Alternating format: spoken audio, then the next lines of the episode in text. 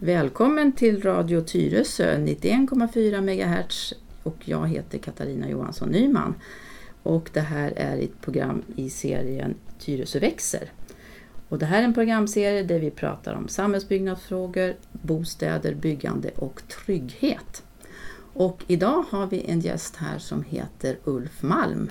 Välkommen hit Ulf! Tack! Lite kort, vem är Ulf? Eh, jag har arbetat med brottsförebyggande och trygghetsarbete i bostadsområden sedan 1997. Och eh, mest då för bostadsföretag men också för kommuner, stadsdelar och branschorganisationer. Jobbat både med kartläggningar av brottslighet och otrygghet och sen också med konkreta åtgärder. Sedan drygt tio år tillbaka så arbetar jag i Järvaområdet huvudsakligen. Spännande.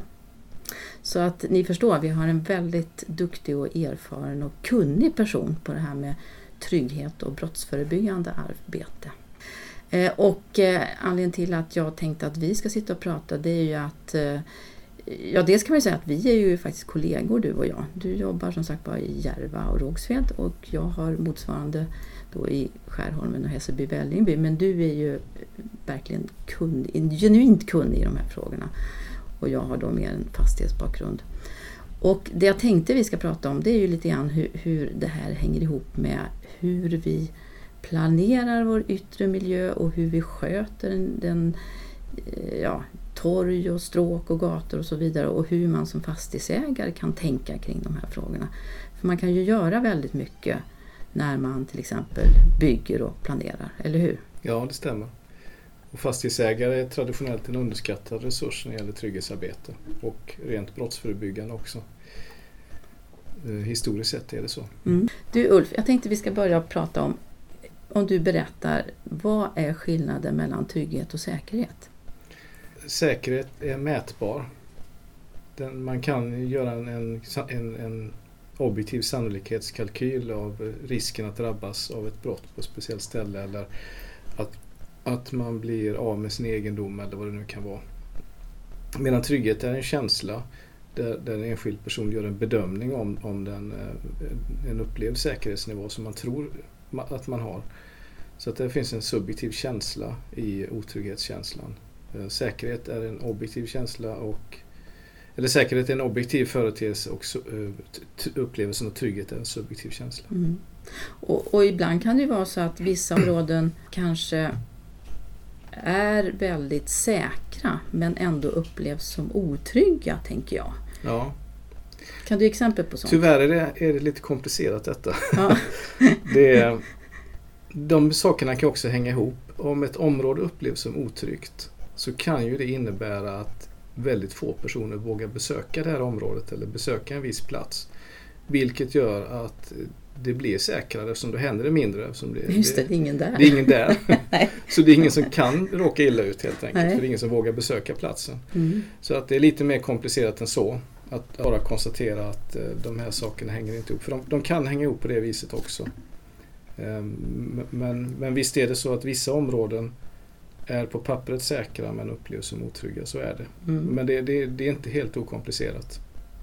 Nej, jag tänker det här med, med jalusier till exempel som många ja, butiker vill ha framför sin, sin lokal. Då. Det kan ju, alltså för butiksägaren kanske det är väldigt säkert eller upplevs säkert. Ja. Men för den som går på gatan kan ju det upplevas som väldigt otryggt. Ja, så är det. Mm. Och även för en motiverad gärningsman som vi kallar det kan ju också känna sig tryggare med jalusier. Så att ofta hänger det ihop att så att säga, vanligt skötsamt folk eh, känner sig otrygga på platser där personer som är motiverade att begå brott känner sig trygga. Mm. Så, mm. Och platser med centrummiljöer eh, med mycket jalusier, med få besökare, med, få, med liten insyn från omkringliggande fastigheter kan ju upplevas som skrämmande. Mm. Det, så, så, är det, det vet vi utifrån tidigare kartläggningar som gjorda. Mm.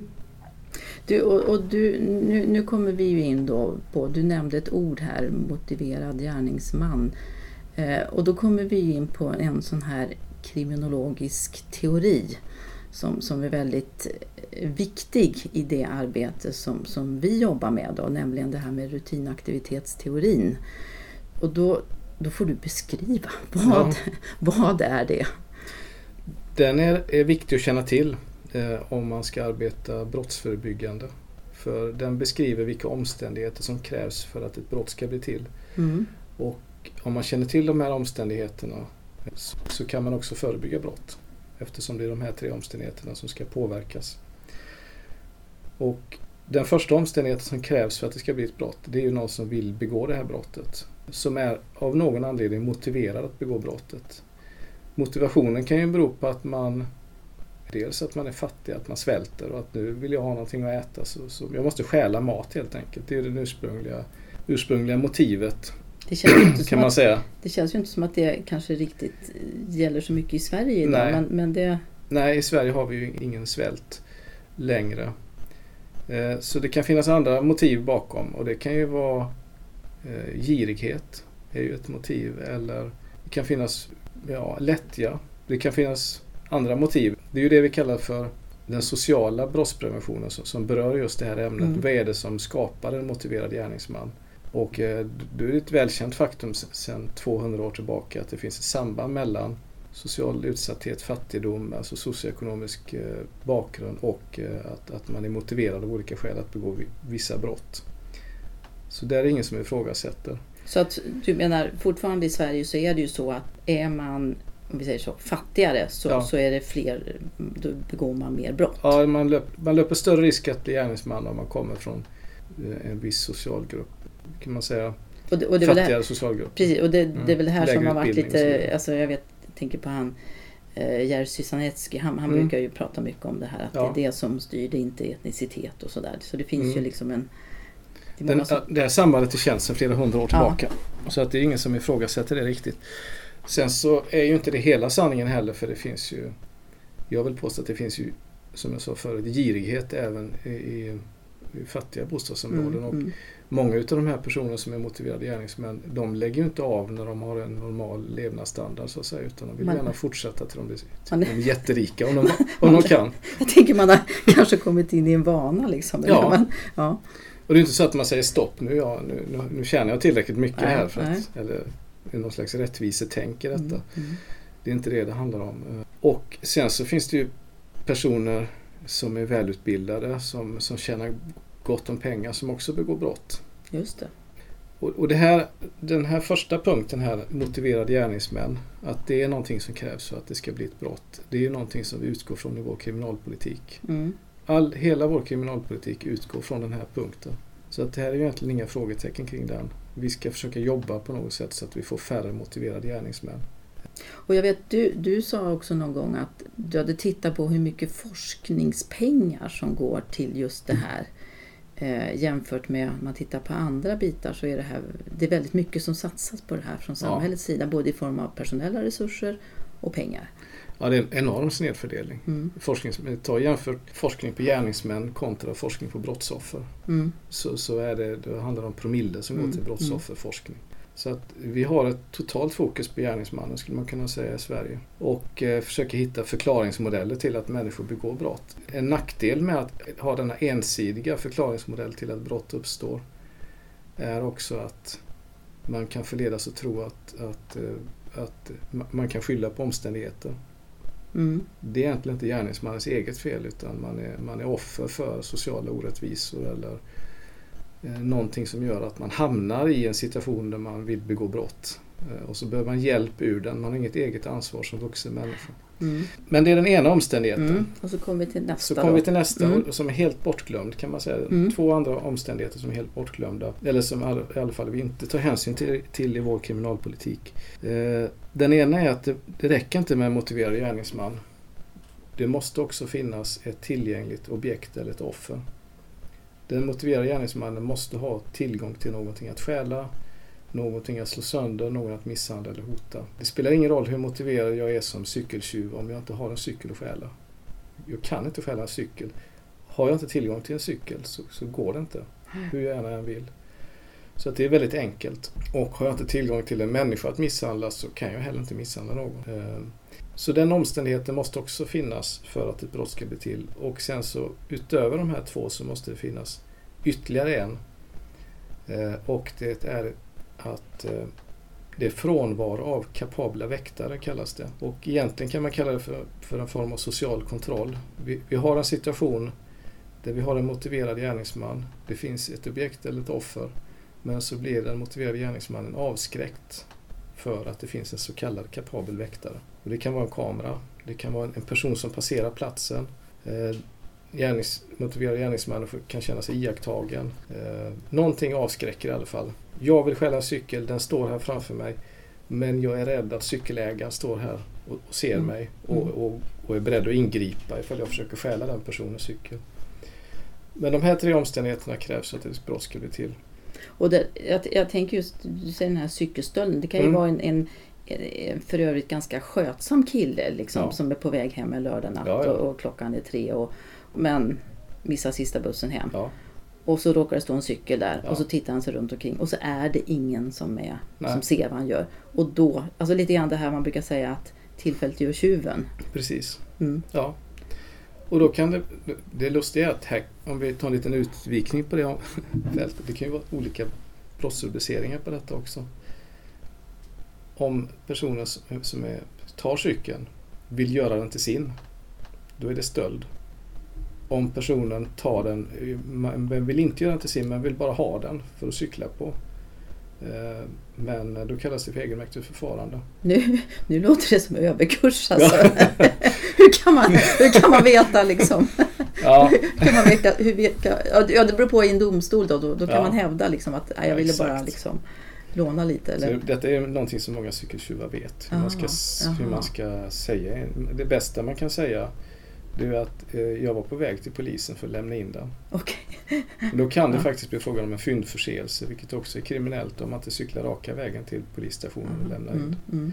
Ja, det var en liten utvikning. Eh, men sak, om vi återgår då till rutinaktivitetsteorin, de här tre punkterna, så måste alla vara uppfyllda för att ett brott ska bli till. Mm. Så brottsförebyggande arbete handlar således om att jobba med alla de här tre punkterna. Mm. Ingen, slut, ingen, ingen utesluter det andra, utan alla är viktiga. Tar du bort den ena av de här punkterna så blir det inget brott.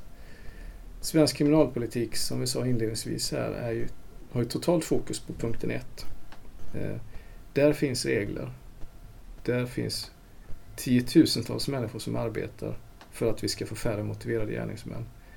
Om vi, om vi bortser från alla föräldrar som försöker se till att ens barn inte blir mm. motiverade gärningsmän och snälla och laglydiga så har vi lärare, mm. eh, vi har socialtjänstemän eh, om inte föräldrar räcker till och vi har kriminalvård och vi har poliser och, och, eh, och så vidare. Det finns enorma mängder människor som arbetar på det här området. Och, och precis som du säger, alltså, föräldrar och skola är mm. ju jätteviktiga i det här. Alltså ja. det, och det är på något sätt ja, förutsätter ju vi oftast ja. att, att det funkar. Men när det inte funkar så finns det olika ja. då. kommer andra in. Ja. Mm. Och yttersta konsekvensen då om ingenting funkar det är ju, det är ju frihetsstraff. Mm. Mm. Då mm. hamnar man i fängelse. Mm. Om det faller igenom hela vägen så att säga. Men du, jag tänkte på det här med eh, om, man tar, alltså de, om man ska jobba med de här två och tre, alltså det vill mm. säga lämpligt offer och, objekt och det här med, med kapabla väktare. Mm. Kan, kan, du exempel på vad, vad kan man som fastighetsägare göra eller vad kan man som kommun göra till exempel på torg för att se till att de två sakerna liksom försvinner? Eh, man kan till exempel se till, om vi tar cykelexemplet, där kan det handla om att man har möjlighet att låsa fast sin cykel i ramen. Mm på ett enkelt sätt. Man placerar cykelställ och man bygger nya så att det finns kapabla väktare runt omkring. Så man inte sätter cykelstället på ett ödsligt ställe. Man planerar inte en parkeringsplats så att den ligger ödsligt utan att eh, människor kan se sina egna bilar. Mm. Och det kan jag säga, när jag jobbade med bostadsförvaltning så var det ju så att folk älskade ju att liksom kunna, du vet från köksfönstret, mm. titta ner på sin bil. Ja. Det var liksom optimala lyckan av nästan att ha en lägenhet. Att, ja. att man kunde liksom, ena ögat skulle man kunna titta på TVn och andra på bilen. Liksom, för ja, då, då känner man sig trygg. Det var bra. Det var liksom hög lyxfaktor. Ja, just det. Mm. Samtidigt som eh, den optimala lyckan för den som planerade det här området var att, de, att ingen såg någon bil någonsin. Nej, just det. För att man skulle dölja parkeringsplatsen mm, med mm. träd eller med radgarage eller mm. annat. Så att det är många bostadsområden som är helt fel eh, planerade ur den synvinkeln. Just det. Man, naturligtvis, om vi återgår till, till frågan, sådana enkla saker som att man har effektiva lås mm. och eh, dörrar som inte går att bryta in, by, by, göra inbrott i. Mm. Och där är man ju som fastighetsägare ofta utlämnad till låssmeder som, som kanske inte alls gör en bra installation. En dörr kan se jättesäker ut, den kan se hur kraftig ut som helst men är busenkel att bryta sig in i. Mm. Det finns inga regler. Det eh, finns inga, ingen standard när det gäller till exempel källardörrar och sånt. Man kan också naturligtvis eh, Helst ska man inte ha några källarförråd överhuvudtaget. Har man det, har man befintliga hus och måste ha källarförråd så, så kan man ju sektionera, göra små enheter. Eh, begränsa med elektroniska lås. Mm. Klass 3-burar, klass 2-hänglås och så vidare. Det finns tekniska specifikationer som mer eller mindre utrotar källarinbrott har vi mm. kunnat se. Och dessutom ökar den upplevda tryggheten. Så det både ökar trygghet och säkerhet. Eh, mål, måla ljust och fint, ordning och reda, städning, förvaltning. Sådana här vanliga förvaltningsåtgärder. Ja. Rent och snyggt, ordning och reda. Mm, Ta mm. bort klotter. Mm. Du, för, jag, för jag tänker en, en, sak som ju väldigt många politiker, då, inte minst i den gångna valrörelsen, mm. pratade om. Det var ju det här med ordningsvakter mm. och kameror. Mm. Och fler ja. poliser. Ja, fler poliser, förlåt. men, det, men det är liksom, ja det är svårare att göra åt. Ja. Nej, men, eh, men vad, vad, säger du om det då? Är, kameror, är, är, det, är det effektivt tycker du? Ja, men det tror jag. Jag tror kameror är, väldigt effektivt i offentliga miljöer. Men om jag har förstått det rätt kanske inte är så avskräckande utan det är mer att polisen har möjlighet att eh, säkra bevis eh, om det begås ett brott på den här mm. platsen. Mm. Eh, får ju förutsätta att kameran sätts upp på en plats där det behövs också. Däremot så är kamera en åtgärd som kommer rätt långt ner på min lista i ett bostadsområde. Det finns så mycket annat man kan göra.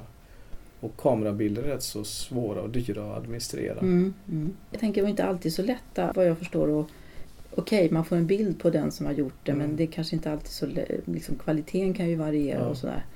Ja, man så kan ha på sig en huva. Eller ja, man kanske har överdriven tro tänker jag till kameror. Ja. Mm. Och det finns otroligt mycket man kan göra innan detta. Ja.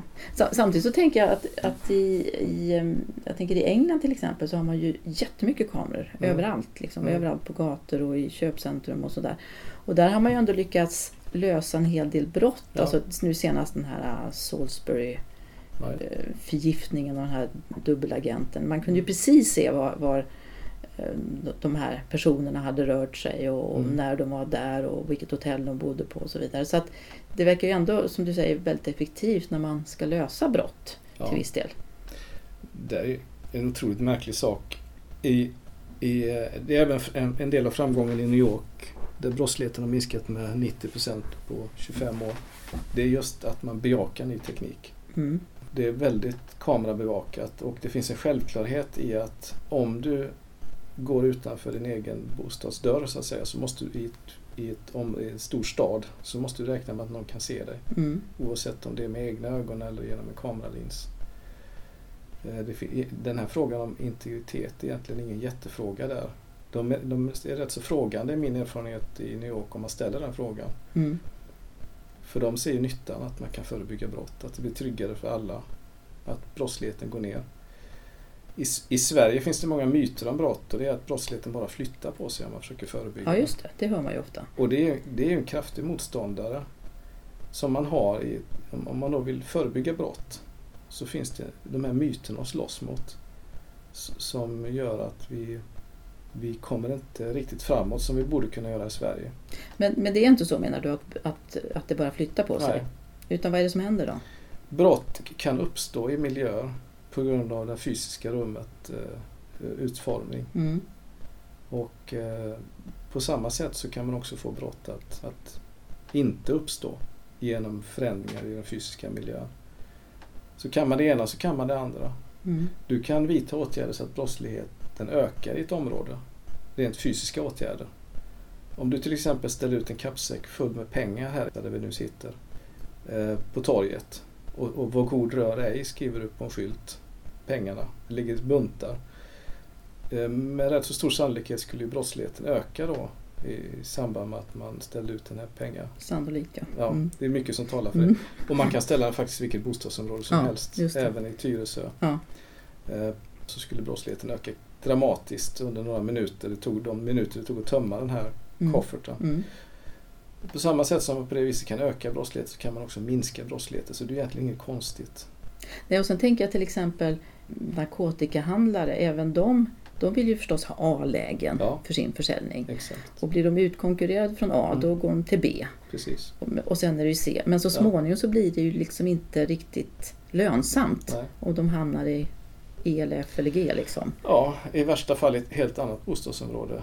Där har de ju ingenting att, att hämta. Jag menar om, om förutsättningarna för att sälja narkotika minskar i Tyresö så är det inte, så, det är inte samma personer som dyker upp i Nacka. Nej. Utan eh, det, Mm, intressant. ja, Mm. de vill också ha trygga miljöer. Ja, precis.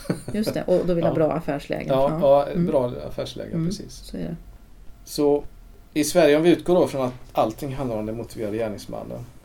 eh, Har man den synen och tror att all brottslighet beror på social, socioekonomi eller sociala orättvisor. Då, då hamnar man ju lätt i tanken att allting handlar om socialpolitik eller Mm. utbildningspolitik.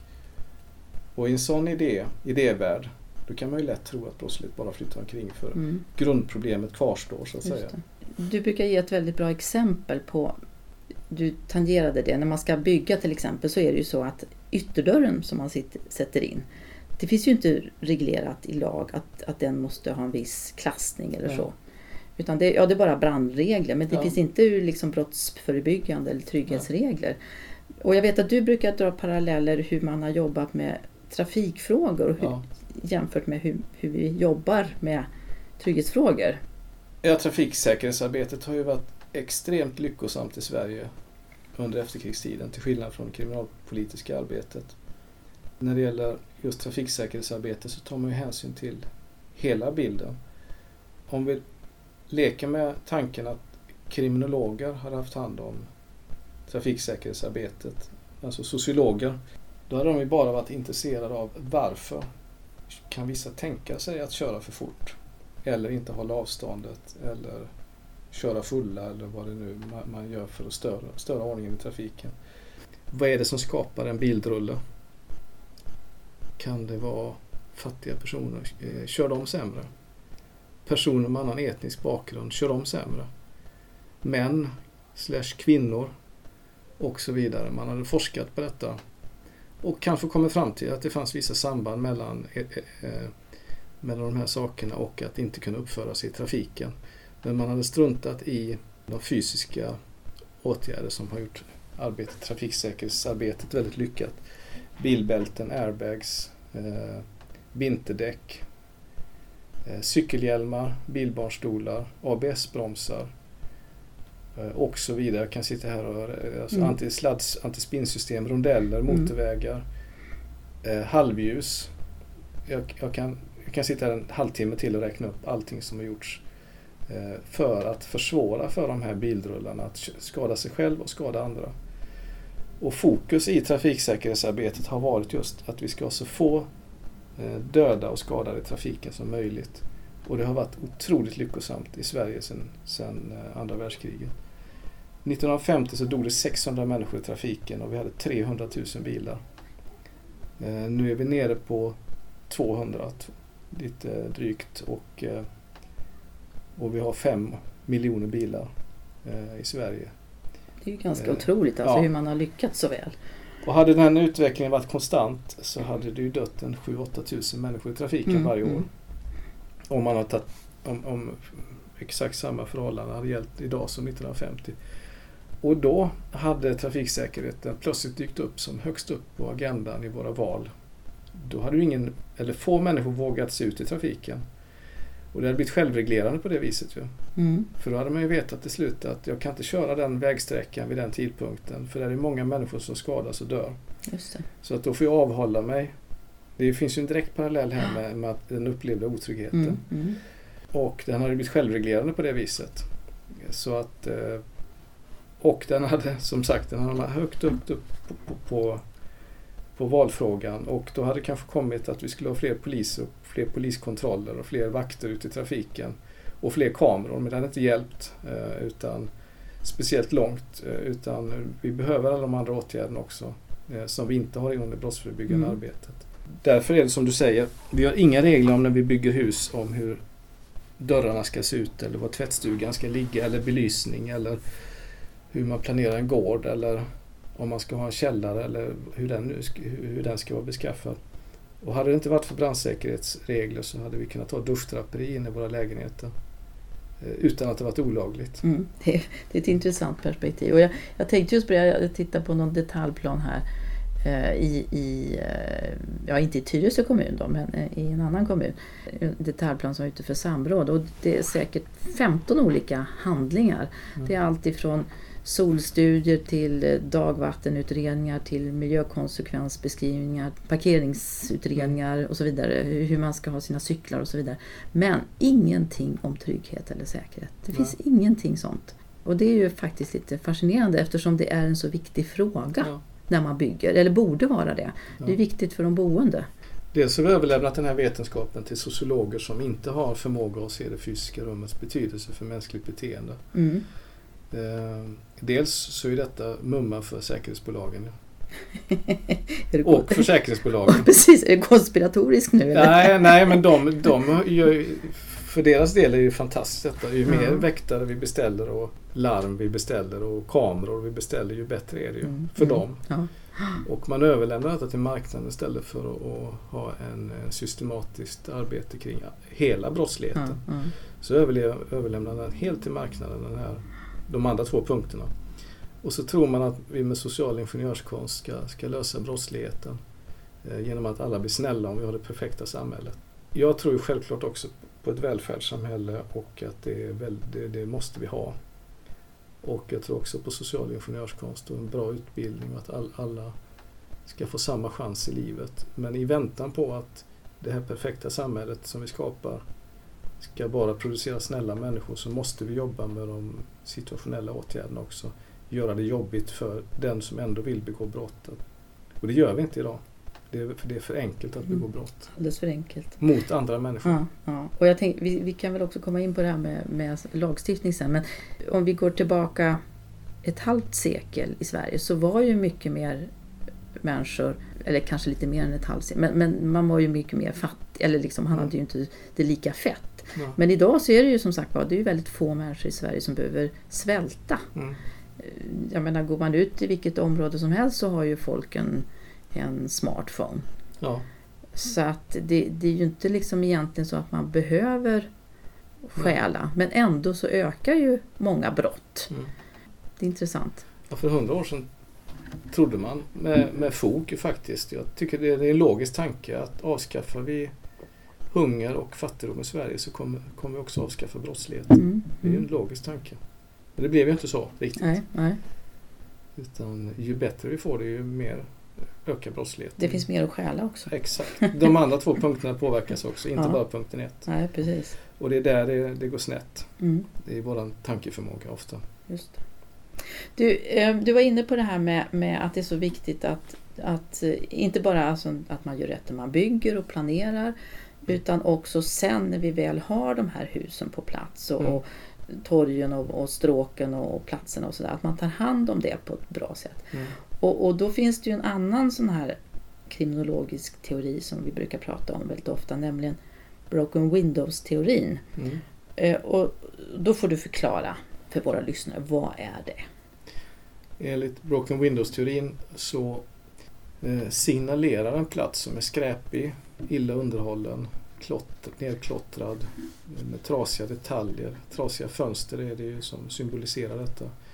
Det signalerar att eh, dels för, för en person som har ett gott uppsåt att det här är en otrygg plats, det är ingen som bryr sig om den här platsen. Den här platsen känner jag mig otrygg på. Eh, hög sannolikhet. Samtidigt som det signalerar till den motiverade gärningsmannen att exakt samma sak. Här är det ingen som bryr sig. Det, är ingen som, det finns inga kapabla väktare här. Eh, det är fritt fram att begå fler brott här. Att det är fritt fram att kasta skräp, ännu mer skräp. Det är fritt fram att klottra ännu mer, slå sönder ännu fler fönster eller att, eller att stjäla. För signalen är att ingen bryr sig. Så att eh, Broken Windows-teorin eh, går väldigt enkelt ut på att man ska, ha, man ska inte ha sådana här miljöer utan det, brottsförebyggande trygghetsskapande arbete handlar väldigt mycket om god förvaltning av platser och hus. Mm. Precis, och jag, och jag tänker på det här med, alltså man kan ju, vi har väl alla någon gång åkt iväg till återvinningsstationen och så har någon, och så är det fullt liksom i, där man ska lämna sina tidningar och så har någon börjat ställa en kasse utanför ja. och då bara fortsätter det. Ja. Då, då, då är det som att det är fritt fram. Det är just den här första, mm. då är det ett, ett, en spärr på något sätt. Men sen så är det som ingen bryr sig liksom. Ja, det bär ju, bär ju med, mycket mer emot att kasta skräp när det är helt rent. Det mm. finns inget skräp. Det kan man ju gå till sig själv också. Mm, mm. Och förstå att det är så. Just det. Och det är därför det är så, jag tänker på också på det här med klotter, att det är så mm. otroligt viktigt att få bort klotter fort. Ja. För att det ser man ju, det sprider sig ju jättefort alltså. Ja. Ja. Du, jag tänkte på det här, eh, vi var inne på lite grann det här med lagstiftning och så. Är, vi naiva i Sverige? Har vi, har vi haft en naiv tro till folks förmåga och välvilja och tillit? Ja, jag tycker det. Nu spetsar jag till det lite grann här men vår lagstiftning utgår i mångt och mycket fortfarande på utgår från att eh, alla människor i grund och botten vill väl. Och begår man brott eller har en kriminell livsstil så har man hamnat tillfälligt snett. Och man ska få hjälp ur den här situationen för man är ett offer för omständigheterna. Och lagstiftningen utgår lite grann ifrån det. Och eh, det gäller inte bara vår eh, kriminal, alltså vår eh, brottsbalk utan det gäller väldigt mycket annan lagstiftning också. Inte minst som, regler som handlar om fastighetsägande. Kan du ge exempel på något? Ja, men det finns ju fast, även fastighetsägare och, och, det vet ju du också som kan missköta sina fastigheter mm. grovt. Mm. och ja, man, man, man har, det uppstår slumfastigheter i princip. Där är det också en naiv lagstiftning kring detta eh, med svårigheter att, att eh, komma till rätta med detta.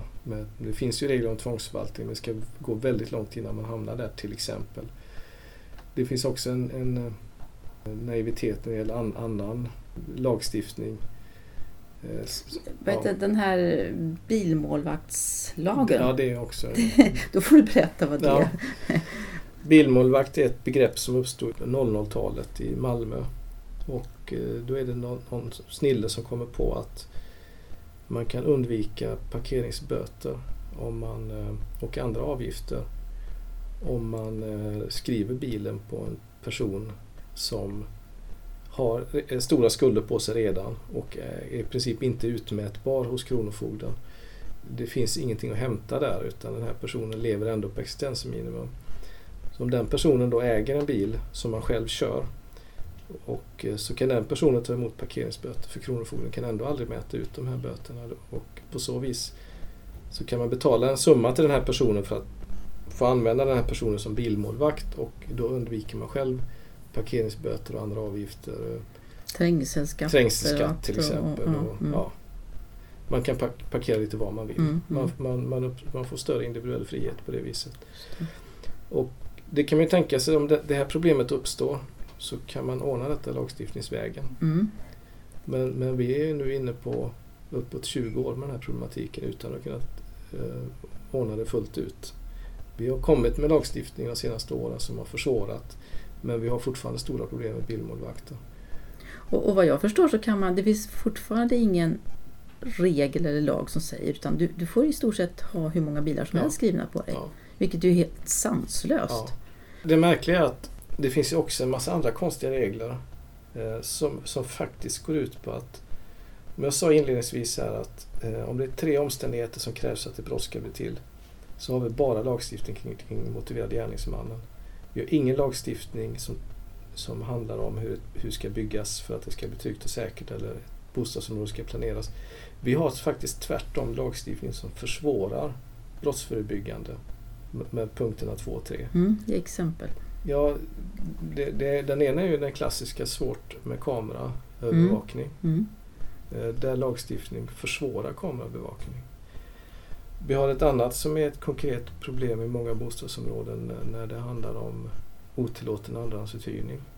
Där vi har sekretessregler som gör att socialtjänsten inte får undersöka huruvida det här är korrekt eller inte. De här eh, faktiska omständigheterna som då skulle ligga till grund för att man skulle betala ut pengar till, eh, till behövande av, av eh, hyres, alltså boendekostnader. Precis, när man, när man alltså betalar Ja. ut försörjningsstöd så, Ja, så, försörjningsstöd. så, får, så får man alltså inte kolla eller, eller i alla fall tolka vissa kommuner det som att man inte eller man har inte rätt att efterfråga Och då-. Nej, och då utgår man från att den enskilde personen som söker pengar alltid är god och att socialtjänsten och andra myndigheter är onda. Mm.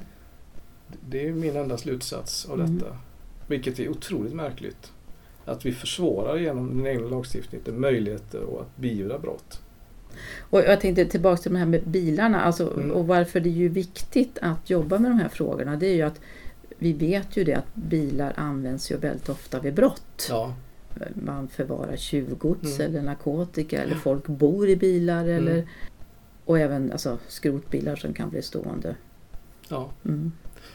Man kan sammanfatta det enkelt med att i Sverige är det väldigt lätt att välja den breda vägen. Den breda vägen är väldigt bred Mm.